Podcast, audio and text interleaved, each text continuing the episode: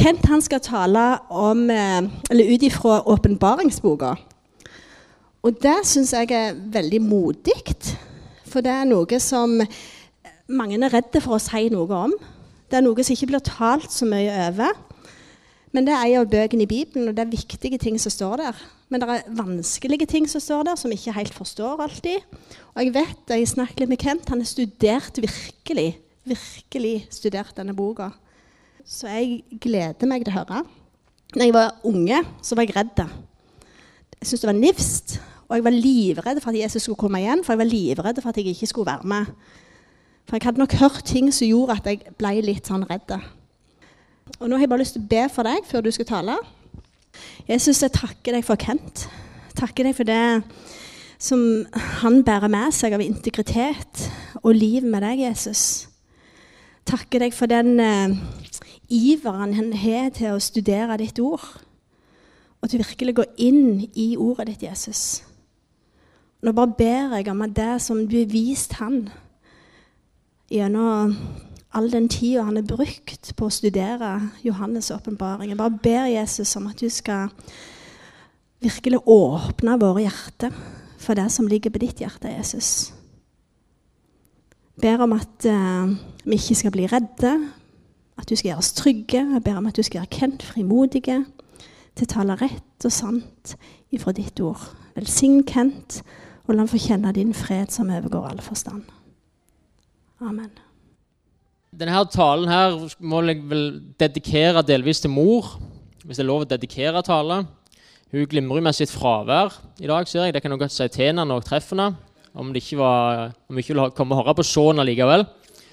Men hun har etterlyst lenge at det er mer snakk om at Jesus kommer snart tilbake. Når hun var liten, eller unge, så var det jo en del vekkelser som gikk over Norge, og hun var, erfarte det. Og da snakket de mye om dette, at Jesus kommer snart igjen. Så hun har sagt sånn, det er, liksom, det er mest ingen som snakker om det lenger. Og det er, ikke, det er liksom på tvers av kirkelandskapet. Det er veldig få plasser der det snakkes om dette i dag. Så er det noen plasser snakkes enormt mye om det. Liksom, hovedfokus er Israel, endetida, Jesus kommer snart igjen. Og enormt detaljert og enormt fokus på det. Og så tror jeg at det som skjer i verden, er at det er en, en kamp og en krig rundt dette budskapet. I Kina Jeg vet ikke hvordan det er nå, men for en stund tilbake siden, så var en av de tre tingene du ikke hadde lov til å gjøre Du kunne være kristen, du kunne tro på Jesus, du kunne samles, men du fikk ikke lov å samles i sånne og sånne grupper. Du fikk ikke lov å forkynne evangeliet om Jesus til unger og du fikk ikke lov til å forkynne at Jesus kommer snart igjen. De tre tingene. Tilfeldigvis to i denne. Det er en enorm Åpenbaringsboka er den ene boka i Bibelen som det er knytta et konkret løfte til, de som leser den, og knytte en konkret forbannelse til i forhold til den boka. Ingen andre bøker er det med. Djevelen er ikke veldig begeistra for den boka. Der ser vi hvordan det går til slutt. Jesus vinner, djevelen taper. Han hater den boka. Så jeg har gått ifra å være interessert i denne boka eller interessert det, Noen av oss er i den kategorien som syns det er fascinerende. For det er mye, Her er det mye interessant, og det skjer mye og spennende ting. og kan lett havne inn i en grøft og at det er kun dette som er interessant. Så jeg var litt der og litt interessert, og så leste jeg det og studerte det og prøvde å se meg inn i det. Og så er det gått ifra å være det til å bli livsforvandlende. Som i dette har prega hvorfor jeg jobber der jeg er, og hvordan jeg tenker om å jobbe der. Det har prega lengselen min etter Gud, bønnelivet mitt, hvordan jeg leser Bibelen, prioriteringer jeg gjør, hva jeg, hva jeg ser fram mot, hvordan jeg vurderer ting. Det preger enormt mye av livet mitt. Og mange jeg har snakket med, som er inne i samme greiene, har samme erfaringen. Vi snakker om tro, håp og kjærlighet. De blir stående, Disse tre blir stående, og størst blant dem er kjærligheten. Tro er på radaren. Vi snakker om hva er tro. Tro på Jesus, gå i tro, høre et ord av tro. Gud snakker, og vi handler, vi går i tru. Hva er tru? Virksomme tru. Stole på Han, gå på vannet. mange mange taler om tru. Vi er liksom, så er ikke alltid vi føler vi har så mye tru, men det er, det er innenfor rekkevidde om hva vi forstår noe av. Kjærlighet er det samme.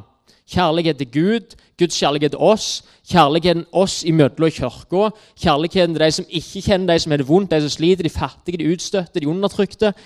Hva er kjærlighet? Ekte kjærlighet? 1. Korinterbrev 13. Kjærligheten er velvillig, god, sann, ren. Kjærligheten er også på radaren. Og så kommer du til håp. Hva er håp? Vi bruker håp som at 'jeg håper at et eller annet'. Det er ikke håp i Bibelen. Håp i Bibelen er et anker for sjela. Det vil si at det er et anker en eller annen plass, og sjela henger fast i det ankeret, som er på vei en plass. Og det er ikke kanskje på vei en plass. Det er helt spesifikt en plass vi er på vei til, og det er et anker. Men veldig mange, meg sjøl inkludert, før iallfall, og veldig mange som ikke har sett så mye på hva er håpet, har egentlig bare kun et par setninger å si. Jeg håper jeg kommer til himmelen når jeg dør. Og jeg tror alt går godt til slutt. Det er stort sett det en har å si om den saken. Og det tror jeg ikke er tilfeldig. Hvis djevelen klarer å knuse håpet vårt, så er det særdeles effektivt. For Hvis vi ikke vet hvor vi skal hen, og hva som kommer til å skje, så vet vi ikke heller hvordan vi skal respondere. Og vi har ikke noen guts og drive til å holde ut. Vi mister mange ting som er veldig sentrale for å leve med Jesus. Jeg har undervist åpenbaringen. Temaet er vel egentlig ikke åpenbaringen i dag, men at Jesus kom igjen. Så går vi litt i åpenbaringen litt forskjellige plasser. Men jeg underviste i forskjellige mindre fellesskap. Åpenbaringen. Det som har skjedd nesten hver gang, er at det er to, tre, fire syke Uansett tid på året det er med influensasesong eller ikke. Og litt sånn, og litt sånn plutselig. Alle er friske og raske, og så ringer det tre inn samme dag. 'Nei, jeg ble syk forresten i dag.' Det går litt seint. Så jeg husker noen ganger å si før, før vi starter, eller noen dager før så jeg må huske å be, for det er fortsatt blir noen syke i forhold til dette. her. Så vi har gjort det noen ganger, det har gått bra. Nå glemte jeg det igjen siste gangen. Tre syke med en gang. Og så er det litt sånn, ok, noen er jo sånn, selvfølgelig er det sånn, noen er sånn ja, må ikke åndeliggjøre alt. Jeg er litt enig med begge to. Men bare så vi kan parkere den. Det, det, liksom, det kan være de var bare syke, greit nok det. Men bare, bare parker den litt. Det, det er ikke det som er poenget her. Hvis du ser på verdenshistorien uten åndelige øyne Bare sånn Det begynner en plass, og det slutter en plass. Så er det veldig merkelig at vi som disipler ikke er mer opptatt av hvordan går det til slutt. Og at no, du kan leve i mange år med at håpet jeg håper jeg kommer til himmelen jeg dør. Det er alt. Alle andre bøker og filmer og historier og fortellinger og eventyr og alt annet, så er jo spørsmålet med en gang hvordan gikk det til slutt? Hvis du sovner i en film Fredagskveld sitter i sofaen med din kjære. Du sovner, så våkner du rett før slutt. Så er det sånn, shit, oi, filmen, var, var, det han som hadde gjort det? Eller Kom de fram, eller døde de? eller var det... Du lurer på hvordan gikk det til slutt. Helt sentralt. Men akkurat som der er det et slør som ligger over oss, som gjør at det, det, det, er ikke så viktig. Og Jeg tror det er tre ting. Det ene jeg var inne på, at det er den der hva skal jeg si, ekstremisme Eller den der Ikke ekstrem ekstremisme, det er veldig voldsomt. Den der, det der voldsomme fokus, overdrevet fokus på kun dette, så har vi den slutten å gjøre. Det andre er, en, som Kari var inne på, at det er en frykt. For det er jo en dramatisk slutt. Selvfølgelig. Verden er jo dramatisk, og slutten, når alt skal komme i hakk, og alt skal, så er det selvfølgelig dramatisk. Og selvfølgelig skummelt på mange måter. Men den frykten er blitt overveldende for mange. Så det bare, jeg, dette bare forholder jeg meg ikke til. Og så er det noen som bare har sånn, blitt fanget av en søvn. Så det er sånn, ah, det er, det, Jeg har prøvd å lese gjennom det boka. Det er bare mange løgner noen drager og engler. Jeg fatter ingenting. og Det er bare det for voldsomt å forholde seg til. Så det, det, Jeg tror Jesus har kontroll. Og Han kommer når han kommer, hvis han kommer. Det går godt til slutt, og det går greit. Og Jeg skal ikke rote rundt i det. Det må være for de som er spesielt interesserte. De kan holde på. Og Da er det ganske effektivt, for da har djevelen klart fått oss vekk fra dette, alle sammen. Og jeg tror han er i ferd med å gjenopprette det. Jesus er i ferd med å gjenopprette historien om hva som skjer til slutt. Hva er det neste store som skjer i verdenshistorien? Gud skapte verden. Jesus kom til jord og ble født som et menneske. Han reiste opp igjen til himmelen. Det neste store Det er, noen, det mange store ting, og så er det noen enormt store ting i verdenshistorien. Det neste store i verdenshistorien er at Jesus kommer tilbake igjen. Og det er veldig mange gode argument for at han kommer før en del folk i dette rommet er døde. Ja, men det har folk sagt før. Ja, det har de. Men det er enormt mange gode argument. Konkrete ting. F.eks. bibeloversettelse. Alle folkeslag skal høre. Alle folkeslag hadde ikke hørt for 100 år siden. Ikke 20 år siden. Alle folkeslag kan ha hørt evangeliet i løpet av 20-30 år. De som følger med på dette, så statistikker, regner ut og oversetter Bibelen og hvor er det misjonærer, hva skjer 20-30 år. Kanskje mindre. Det er helt realistisk at han kommer før noen av oss dør.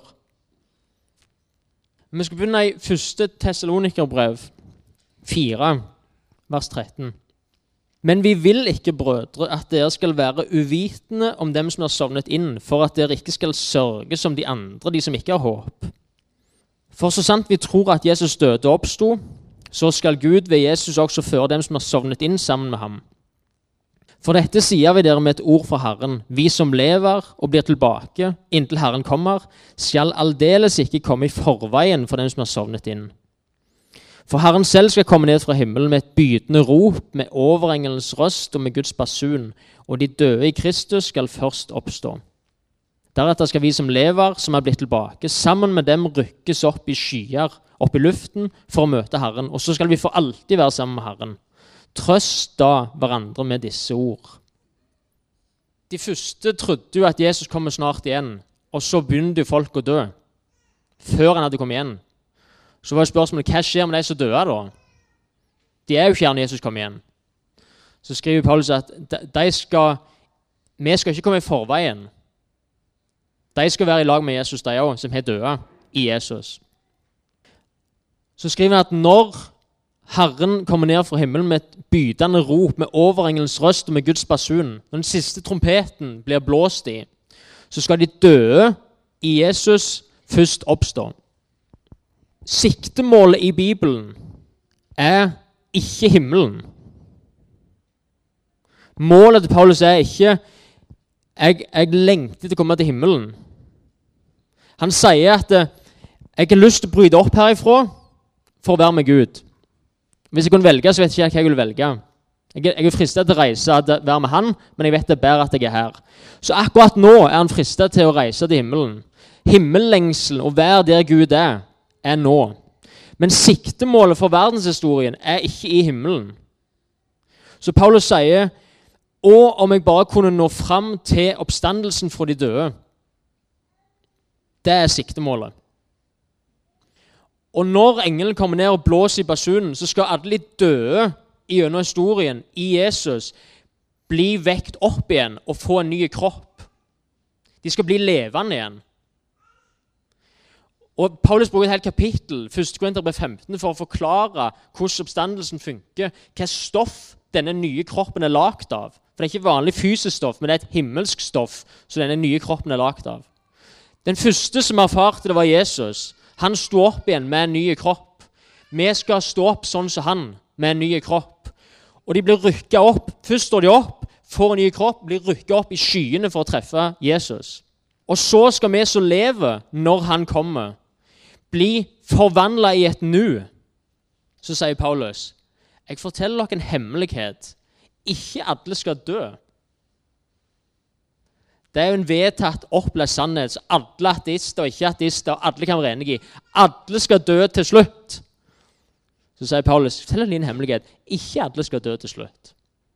Det er to mennesker som aldri har dødd. Enok i første Mosebok vandra med Gud, og en dag pum, så var han vekke. Enok døde aldri. Han har aldri dødd. Samme Elia profeten. Tjente Gud mange år. Plutselig tok Gud ham hjem med ildvogn, men han døde aldri. De to har aldri noen gang dødd. Så alle mennesker dør ikke. Og på slutten så kommer det til å være mange som ikke dør. Og det kan være oss. Så det er ikke sikkert at du noen gang kommer til å erfare døden. De fleste mennesker gjør det, men noen gjør ikke det. Men vi blir forvandla i et nu. Denne forgjengelige kroppen som går sunt og blir syk, og det er vondt, og du tenker du er redd og smerte, alt det der, blir forvandla i et nu. Og vi òg blir rykka opp i skyene for å møte Herren.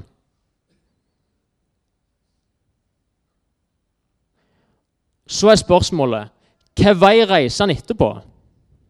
Opp eller ned? Det er vanskelig å ha en, en samling og hvor mange millioner disipler finnes det i verden gjennom tidene. Frem til nå. Noen mener, nå mener det kanskje 700-800 millioner nå. Noen mener det er 1,2 milliarder, 2 milliarder. Hvem er liksom disipler, ikke disipler, katolikker, protestanter? er det tradisjon? Men det er mange hundre millioner. Og i verdenshistorien er det mange hundre millioner. Så hvor skal du samle dem henne? Det nytter ikke liksom å åpne sidesalen på Saron da. Da er det fullt. Så det er bare helt pakt med folk. Derfor rigger Gud scenen i skyene. Der kan vi treffes. Til lammets bryllupsmåltid, som vi har hørt om. Vi skal bli han like, vi skal se han sånn som han er. Gud skapte oss til å være mennesker. Men vi skal bli noe mer enn mennesker. Vi skal ikke tilbake til paradis. Vi skal ikke bli sånn som Adam og Eva var, uten synd. Vi skal bli sånn som Jesus er. Så 1. Johannes sier når han åpenbares, så skal vi bli han lik, for vi skal se han sånn som han er. Vi skal bli like Jesus. Vi skal ha den samme type kroppen som Jesus hadde når han var på jorda. etter han stod opp igjen. Og har ennå.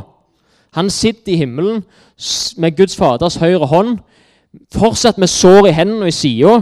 Lammet som ble slakta for vår skyld. Du kan kjenne han igjen. Han er jøden Jesus, så døde da han var 33 år. Han er der oppe som den første. Første frukta. Og så kommer vi etter. Og bare For ikke å gjøre forvirringen total Hvis vi dør i dag, så kommer vi til himmelen. Vi får være med Jesus der han er. Og, og det er bare sånn, Selvfølgelig lengter vi etter å være med han. eller det er jo selvfølgelig ikke selvfølgelig. Men vi kjenner av og til på lengselen etter å være etter han der han er.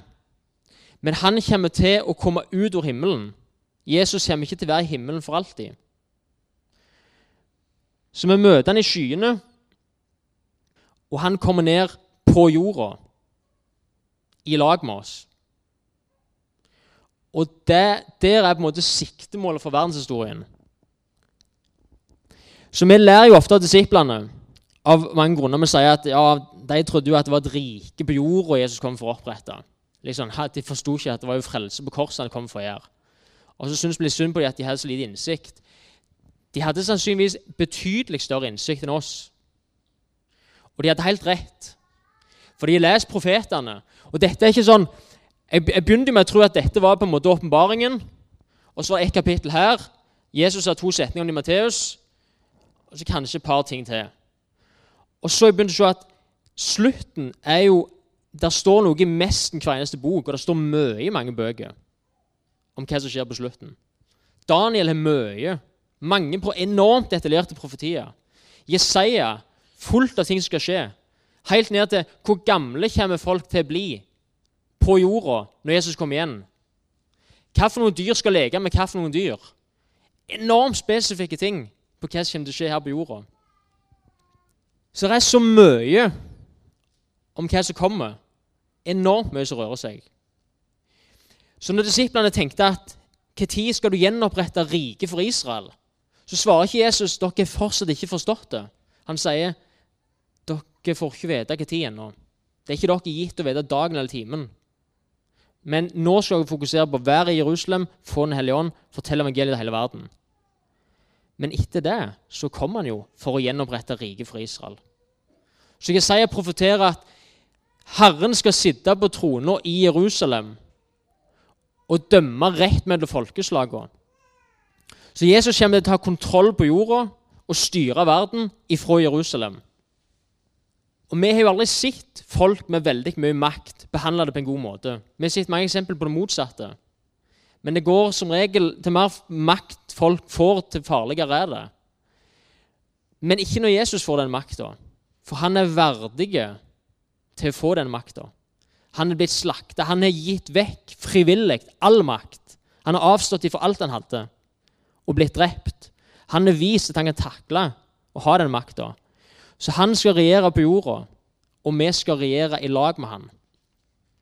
Det, det tyder mest over av plasser der riket for Israel, kongen i Jerusalem, konge over jorda, hersker over kongene på jorda enn å titlene til Jesus. Hersker over kongene på jorda.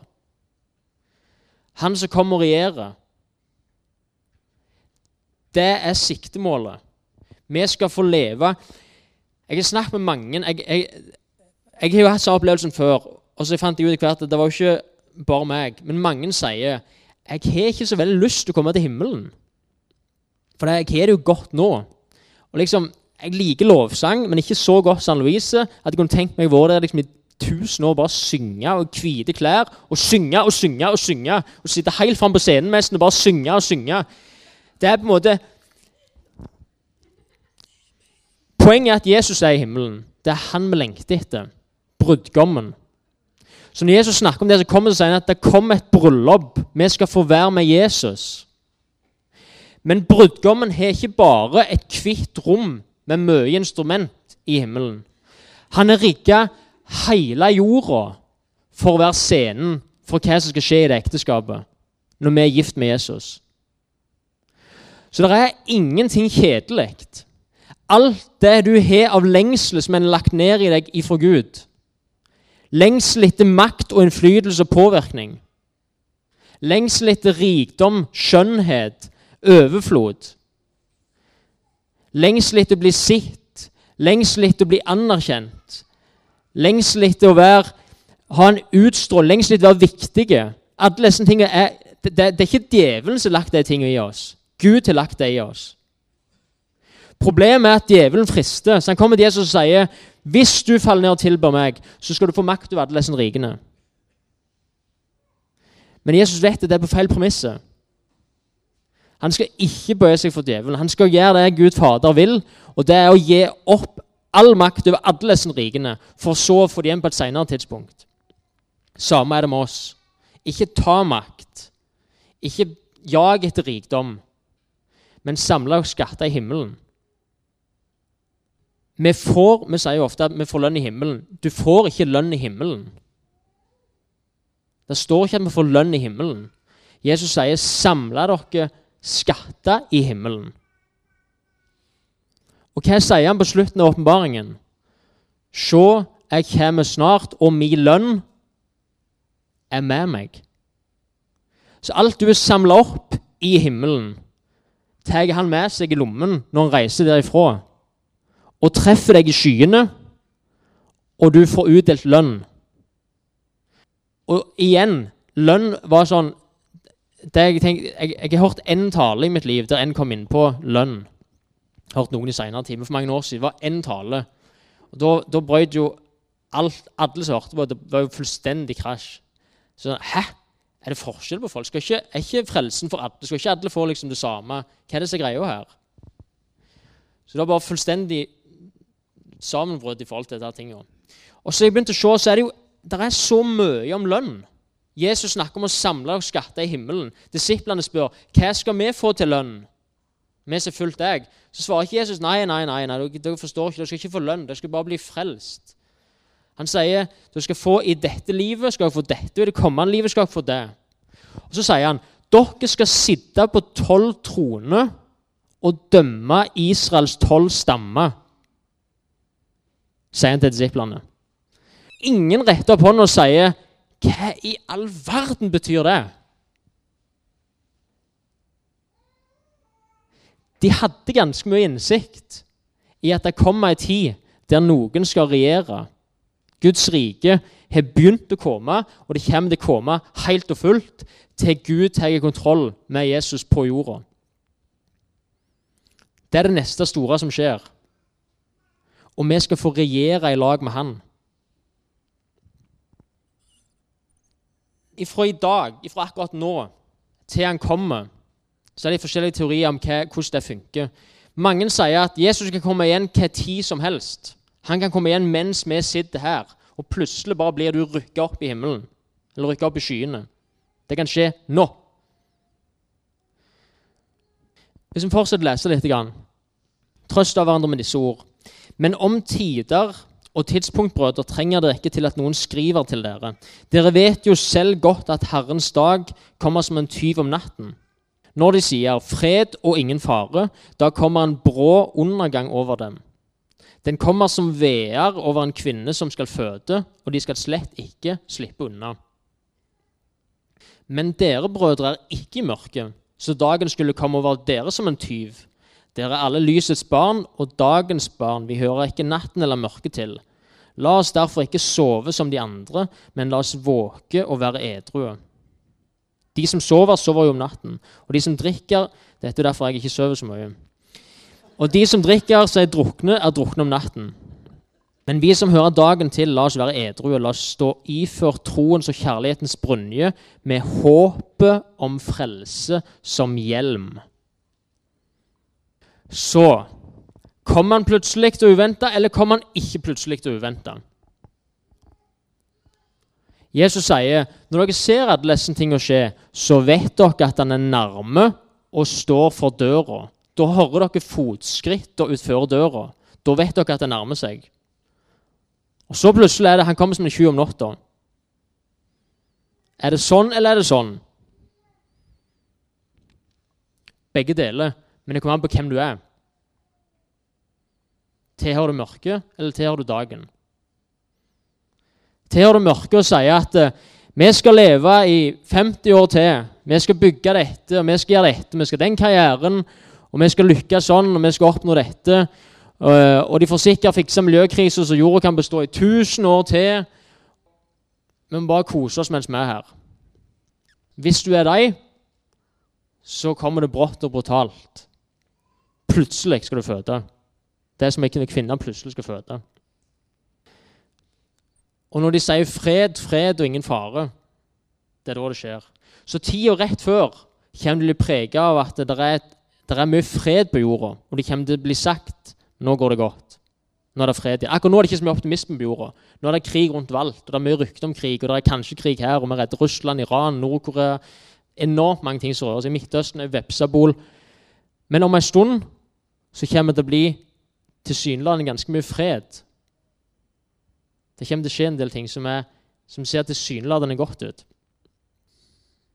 Men hvis vi tilhører lyset, så kommer det ikke som en tjuv om natta. For vi vet hvem vi skal se etter. Og det er så mye spesifikt. Jesus sier helt spesifikke ting. Dette skal skje i kirka, dette skal skje i verden, dette skal skje med Israel. De skal få igjen landet sitt. Det er ikke så mange år siden det skjedde. Mange her levde jo når det skjedde. Israel har mistet landet i 2000 år. Vært ute av landet. Så plutselig, 2000 år senere, og de var spredd rundt over hele jorda, så ble det bare vedtatt. Bang! På en dag. Sånn. Nå har de fått land tilbake. Aldri skjedd i verdenshistorien før. Helt spektakulært. Kun det tegnet er nok til å overbevise folk. Det er helt eksepsjonelt. Så det er enormt mange spesifikke ting. Og når det begynner å rulle ut på slutten så er det hele åpenbaringsboka der det er sju seil, sju trompeter, sju skåler. Og jeg så når lammet tok det første seilet og reiv av bokrullen, så skjedde dette. Det kom det, det kom fred, sånn og sånn. Andre seilet. Der kom hungersnød. Tredje seilet. Der kom krig. Veldig spesifikke ting som skjer. Og så begynner dette å pakke seg ut. Og da vet vi at nå er det rett før Jesus kommer ja, Men sa ikke Jesus at ingen kjenner dagen eller timen? Jo, han sa det. Ingen kjenner dagen eller timen. Sikkert litt derfor det er ganske mange som har prøvd å regne ut hva år han kom i. Og det har vært mange forslag. Både blant sekt, forskjellige sekter som regner det ut, og en del veldig gode disipler som tenkte de òg ville regne ut når han kom. Så de har brukt forskjellige profetier og funnet ut at Tror det er 1984, tror det er i 2012, 2020. Det er mange alternativ. Mange som prøvd å finne ut hvem Antikrist er. Han som dukker opp på slutten. Så Mange er helt sikre på at det er en jøde, det er en muslim, det er paven, det er en president i USA, det er en president i Iran og mange andre gode alternativ. Og det, og det kan godt være det er en av dem. Men det er veldig lite å basere det på. Men igjen, når noen blir så ekstremt opptatt av det, så sitter vi andre her borte og er det sånn Nei, nei, nei, nei, nei det her dette, Vi må ikke rote oss inn i dette her nå. Vi må ikke begynne med dette her. Vi må bare, vi må bare fokusere på Jesus, og så går dette seg til av seg sjøl. Så sier Jesus og Paulus og så mange plasser i Bibelen vi som har dagen til, la oss være edru la oss stå i for troens og kjærlighetens brynje med håp om frelse som hjelm. Våk. Vær som de kloke jomfruene, så er vi olje på lampen, sånn at vi er våkne for hva som skjer. Hvorfor? Kan vi ikke bare fokusere på Jesus, så kommer han han kommer? Det er en grunn til at Jesus har stappet hele bok inn i Bibelen med materiale om dette og kapittel på kapittel i de andre bøkene. Og fullt av små detaljer om hva som kommer. Det er jo ikke fordi at de som syns det er kjedelig å lovsynge, kan ha noe å interessere seg for på kveldene. Det er jo ikke for spesielt interesserte. Det er jo ikke sånn, Hvis du, er, du kunne tenkt deg å studere det på misjonshøgskolen, så kan du liksom, her er det noe å gjøre på. liksom. Det er ikke det som er tanken. Dette, dette er jo skrevet, det, Der står jo tydelig at for det første, det er veldig få smarte og vise og lure folk i denne verden som kom til tro. For de tror jeg de skal regne det ut sjøl. Så de, veldig storparten av de som kom til tro, var stokk dumme. Altså ikke sånn i, Men i intellektuelt og, og, og, utdannelse så var de dumme. De var vanlige folk. Det var ikke, var ikke masterfolk her. Dette er skrevet til vanlige folk. Jeg strøyk kristne grunnfag, bare så det er sagt. Det var riktignok i en sånn kirkehistorie arkitektur på, i reformasjonen, så jeg prøver å forsvare meg med det, men jeg strøyk. Det er sannheten. Men det, men det er skrevet til vanlige folk, som ikke er noe, sånn, noe spesielt. Så når du leser åpenbaringen, så betyr det ikke noe helt annet enn det som står der. Det er ikke sånn at Hvis det står at vann blir til blod, så betyr det at det, det er en eller annen sånn kjemisk bombe fra Iran som slår ned og så ødelegger vannet. Alt betyr ikke noe annet enn det som står der. Noen ting er symbol. Og da spør Johannes, engelen, eller Jesus, hva betyr de sju lysestakene og de sju stjernene? Så sier engelen det betyr Englene for de sju menighetene og de sju lysdagene er de sju menighetene. Det betyr det. Så det er noen ting som betyr noe, men veldig mye betyr akkurat det det står, cirka. Så du kan finne ut av dette. Og hvorfor skal vi rote oss inn i alt dette greiene? Flere grunner. For det første Når Antikrist kommer, når dyret kommer på jorda, når dyrets merke kommer, disse skjer, så er ikke det sånn at det vil være helt opplagt å tenke at dette er ondskapen. For Antikrist er ikke bare motstanderen til Jesus, men han vil ta plassen til Jesus. Han vil være i plassen for. Så Jesus dør, ligger i grava i tre dager og står opp igjen. Ifølge åpenbaringen kommer dyret til å bli såra med et dødelig sår og være liggende i tre dager. Så kommer det kvikne til mirakuløst og stå opp. Han gjør de samme tinga som Jesus.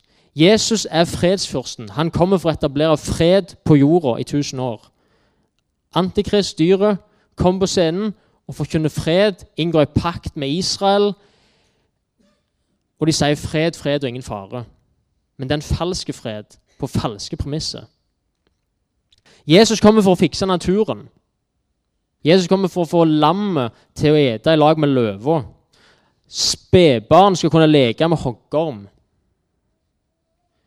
100 år skal den synder bli som forbannes på den tida.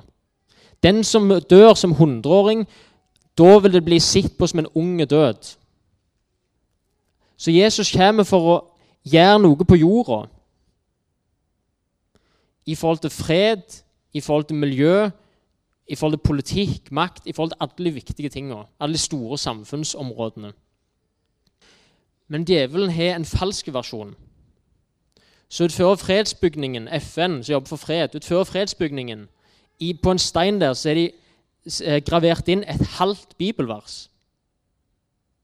De skal smi sine sverd om til kniver og sine spyd om til vingårdskniver.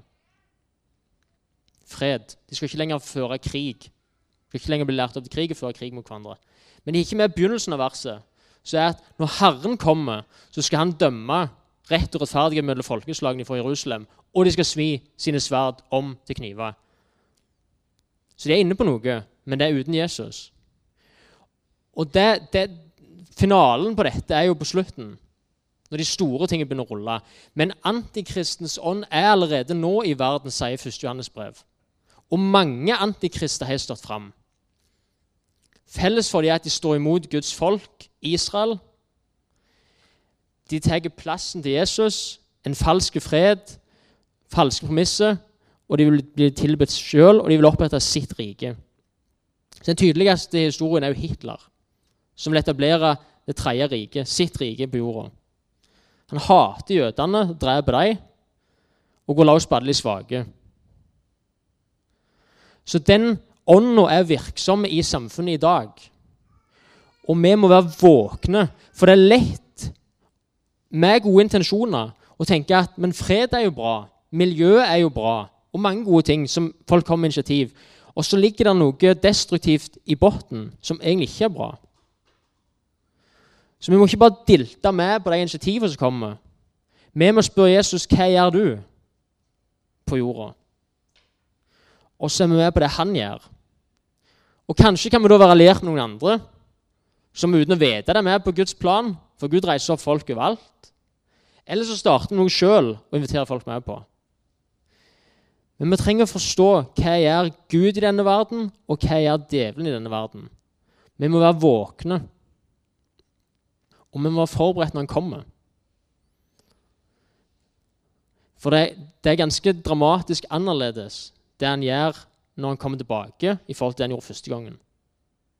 Og igjen Når Jesus leser opp i synagogen i Nasaret Se, Herren salver meg til å forkynne godt budskap for de fattige, for å forbinde de som er sår, og utrope frihet for fanger, og forkynne at nåden sår fra Herren. Så setter han seg ned, midt i en setning. Så de som kan boka, de tenker jo Hva skjer? Men han setter seg bare ned og sier i dag er dette ordet blitt oppfylt. Neste setning er og en hevnens dag fra vår Gud. Så de, de, var ikke helt på bærtur. Det er bare at De visste ikke det vi vet i etterkant, at det er 2000 år mellom begynnelsen av det verset og slutten av det verset. Men neste gang han kommer, så kommer han med en hevnens dag fra sin Gud. Og det er nå vi begynner å bli redde, hvis vi ikke er blitt det før. Og Derfor har man konkludert med at når denne vreden kommer fra Herren, så vi er ikke her i de sju åra rett før han kommer, i denne trengselstida i det som åpenbaringen beskriver, da er vi i skyene eller i himmelen. For Guds vrede er ikke over oss. Og Guds vrede er ikke over oss. Jesus har tatt vreden. Men Guds vrede rammer ikke Guds folk i åpenbaringen. Og Gud beskytter sitt folk i ørkenen. Veldig mye av det som skjer i åpenbaringen, er akkurat liks i andre Mosebok. Vann blir til blod, hagelsteiner faller ned og dreper budskapen. Det blir plutselig veldig mørkt midt på dagen. Det kommer enorme svermer med gresshopper som fortærer og ødelegger. Veldig mange ting ligner på det som skjer i plagene i andre Mosebok. Så Egypt ble ramma av hagelsteiner som drepte budskapen, men ikke i Gosen i Egypt, for det bodde israelsfolket. Så igjen og igjen så står det at dette skjedde i Egypt, men ikke i Gosen i Egypt, der israelsfolket bodde. Så Gud kommer til å beskytte oss i disse tidene. Men vi har en kjempeviktig funksjon. For det vil være den verste tida i verdenshistorien. Det er krise på krise. Det dør millionervis av folk, og det er så brutalt og fælt. Og det er så mye som skjer. Og det kommer til å være den beste tida noen gang. Apostelgjerningene kommer til å være mest som en forsmak på det som skjer da. Det kommer til å smelle så vanvittig. Det kommer til å være en enorm innhøsting av folk. Da snakker vi vekkelse. Da er det ikke snakk om noen hundre eller tusen. Hele Israel skal bli frelst på én dag, sier romerne. Vi snakker om kanskje millioner som blir frelst på et par dager, uker, år over hele verden. Så mange snur seg vekk fra Gud og blir harde i hjertet, og mange kommer til tro. Lyset blir lysere, mørket blir mørkere. Og vi kan være den generasjonen som er med på dette som lever når det skjer. Det er ikke sikkert med det. Det kan være det drøyer enda litt til. Det kan være det ikke kommer helt ennå. Men det er mange gode argument for at han kan komme ganske fort. Og vi trenger, han trenger ikke komme som en tjuv om natta. Vi vet at nå nærmer det seg veldig. Og selv om vi ikke vet nå hva år han kommer, og selv om vi ikke vet da hva dag han kommer, eller hva klokke han kommer, så kan vi vite når ting begynner å pakke seg ut, så vet vi at nå er det veldig, veldig nærme. Og nå vet jeg hva jeg skal be om, for nå kommer det snart et jordskjelv. Det er det sjuende seilet. Så du kan si til naboen din ikke reis til Sirdal i helga, for det kommer et jordskjelv snart. Og når han forstår at det skjer, så våkner han. Så vi vet hva vi skal profetere, vi vet hva vi skal be om, og vi vet hva som kommer til å skje. Vi vet hva Jesus gjør i verden, og vi vet hva djevelen gjør i verden. Så vi må være våkne og edrue. Og det er det jeg sier med, med frykt og redsel. For når det, noen igjen, Nå er jo noen enormt fascinert og tenker dette her var konge. Og så er det noen som tenker når slutter det? Når er den talen slutt? Hun som lærer der bak, tenker det siste. Hun er blitt utsatt for dette så mye at hun, det er begynt å bli bedre. Men det er en grunn for at dette blir sammenlignet med en fødsel. Nå har jeg vært med på en del fødsler, for å si det sånn. Den første og lengste tok 65 timer, var det det? Var på sykehuset. Ikke full rulle i 65 timer, men det, liksom, det holdt på fram og tilbake lenge. Og Noen syns jo at det, fødsel gikk greit, det gikk fort, alt det der, men, men det, det, går, det, blir ofte brutalt. Det er veldig vondt. Og Mange er jo redde for å føde før de føder òg, av gode grunner. Sant? Dette er jo skummelt. Poenget med all, all sin fødsel er der skal en unge bli født her. Det, det, det, det er det som er poenget. Fødselen er ikke poenget. Det er et nytt liv på vei. Hvis du hadde tatt vekk det, hvis det var, det var ingenting godt som kom ut av dette, det var kun all smerten og elendigheten, da er det mange som hadde knokket fullstendig av damene. Er det, det, det er jo, dette er jo kun vondt og fælt og ingenting godt med.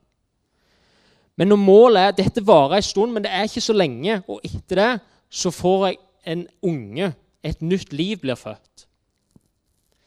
Derfor sier Jesus at sånn er det på slutten. Det, skal, det er som veene som kommer over en kvinne skal føde.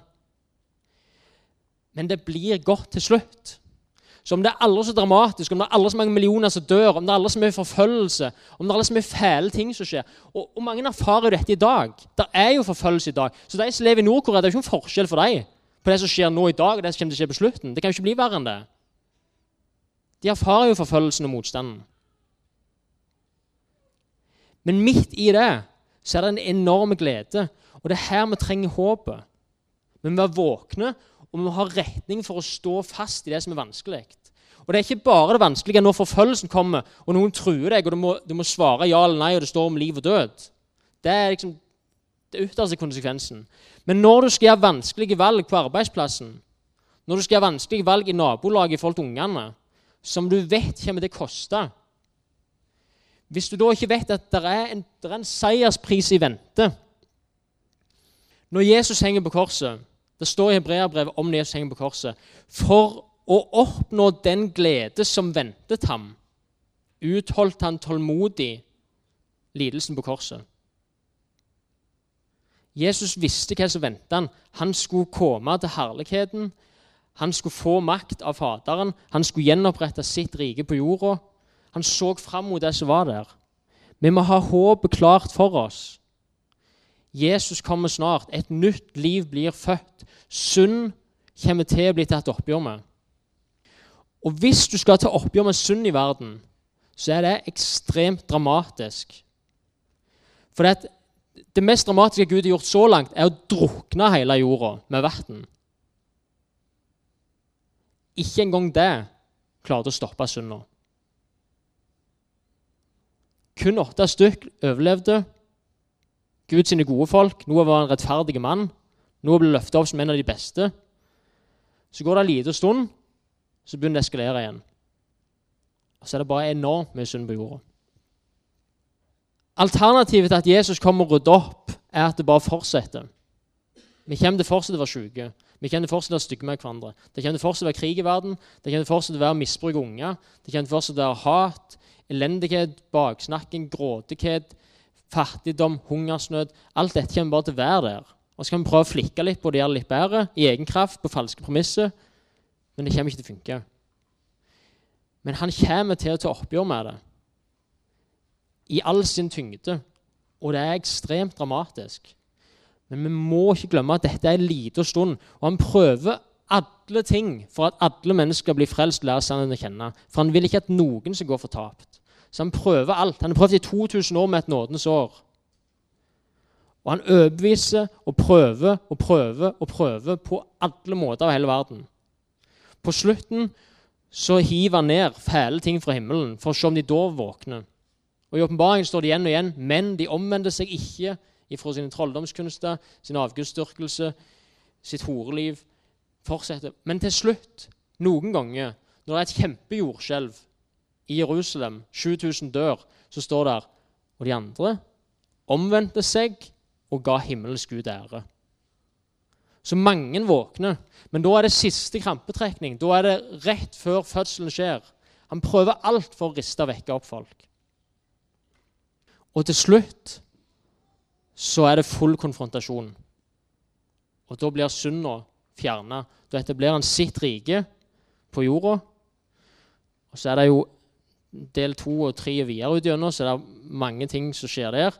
Men da er med i lag med han, og salige er de som del i den første oppstandelsen, for over dem har den andre død ingen makt. Det vil si, du kommer aldri til å gå fortapt, du kommer aldri til å dø. Hvis du får del i den første oppstandelsen og når fram til den, så er du med Jesus og regjerer på jorda.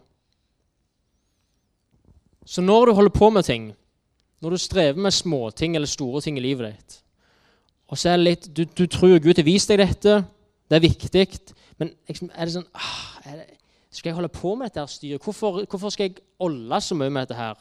vanskelige prosessene mine? Alt blir skrevet ned. Alle tingene du gjør når ingen ser, alle vanskelige tingene du gjør, blir samla opp i himmelen. Når han kommer, så får du ubetalt lønn. Hvis du har vært trofast i hvordan du takler å ha makt, så kommer du til å få makt. Den som tror lite, skal jeg sette over mye, sier Jesus. Hvis du forvalter ting godt, så forvalter det i mye større skala når han kommer. Så alt er verdt det. Det er verdt de tingene vi jobber med nå. Siste ting. Han snakker om fødselen, og han snakker om et bryllup. Nå er det jo mange damer som før bryllupet gruer seg til det. så Det er jo spying på dagen for så nervøse. Men det er nok litt mindre dramatisk enn en fødsel. Men det er der er den der lengselen etter å bli ett med brudgommen. Så alt som skjer i kulissen, alt som skjer på verdensscenen, påvirker oss, og det er ting som skjer i livet vårt. Men, men målet er at nå kommer snart brudgommen, og vi skal bli ett med han. Den lengselen er det som er kjernen av dette. Å få være i lag med Jesus, å få se han sånn som han er, bli han lik, og endelig kunne kommunisere fritt med han Og være intim med ham. Det er sentrum av håpet vårt. Han er håpet vårt, i tillegg til alt han tar med seg. Det er helt sikkert ting som rører seg nå. Vi kjemper det før, før møtet. og Det pleier alltid å være sånn når jeg var borti sånne ting, for det er mye kamp rundt dette.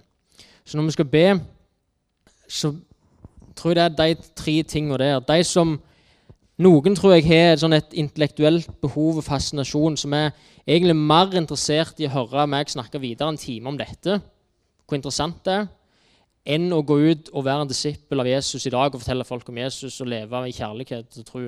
Det er mer interessant å bare dyrke den intellektuelle interessen. Det har vi sjanse til å bare gå fram og legge av for Gud og si at det, det, dette er ikke interessant. Jeg vil kjenne deg, ikke alle teoriene. Og så er det de som er livredde eller som passer redde. Igjen og igjen. Englene som kommer, når Jesus kommer, frykt ikke. Det er normalt at folk blir redde. Men igjen og igjen så prøver Gud å si frykt ikke. Husk at det var bare en stund, så blir det bedre. Så de som kjenner på frykt, at frykten er bare et enormt tak og jeg, jeg, klarer ikke å forholde meg til dette, for det er bare enormt skummelt. Det vil vi be om. Og de som kjenner at det her ble bare litt for mye, jeg, jeg klarer ikke Litt interessant, litt kjedelig, litt skummelt, men drit i. Jeg orker ikke. Så er det en sånn søvn som kommer over oss for at vi ikke skal våkne. Hvis vi ikke håper, så tumler vi bare rundt og er sånn, ja, jeg skal jo tross alt jobbe i denne bedriften 30 år til, så jeg får gjøre en dag til, og jeg skal tross alt være på jobb, og ungene og Uff, ja, det går liksom. Den søvnen vil han ruste oss ut av.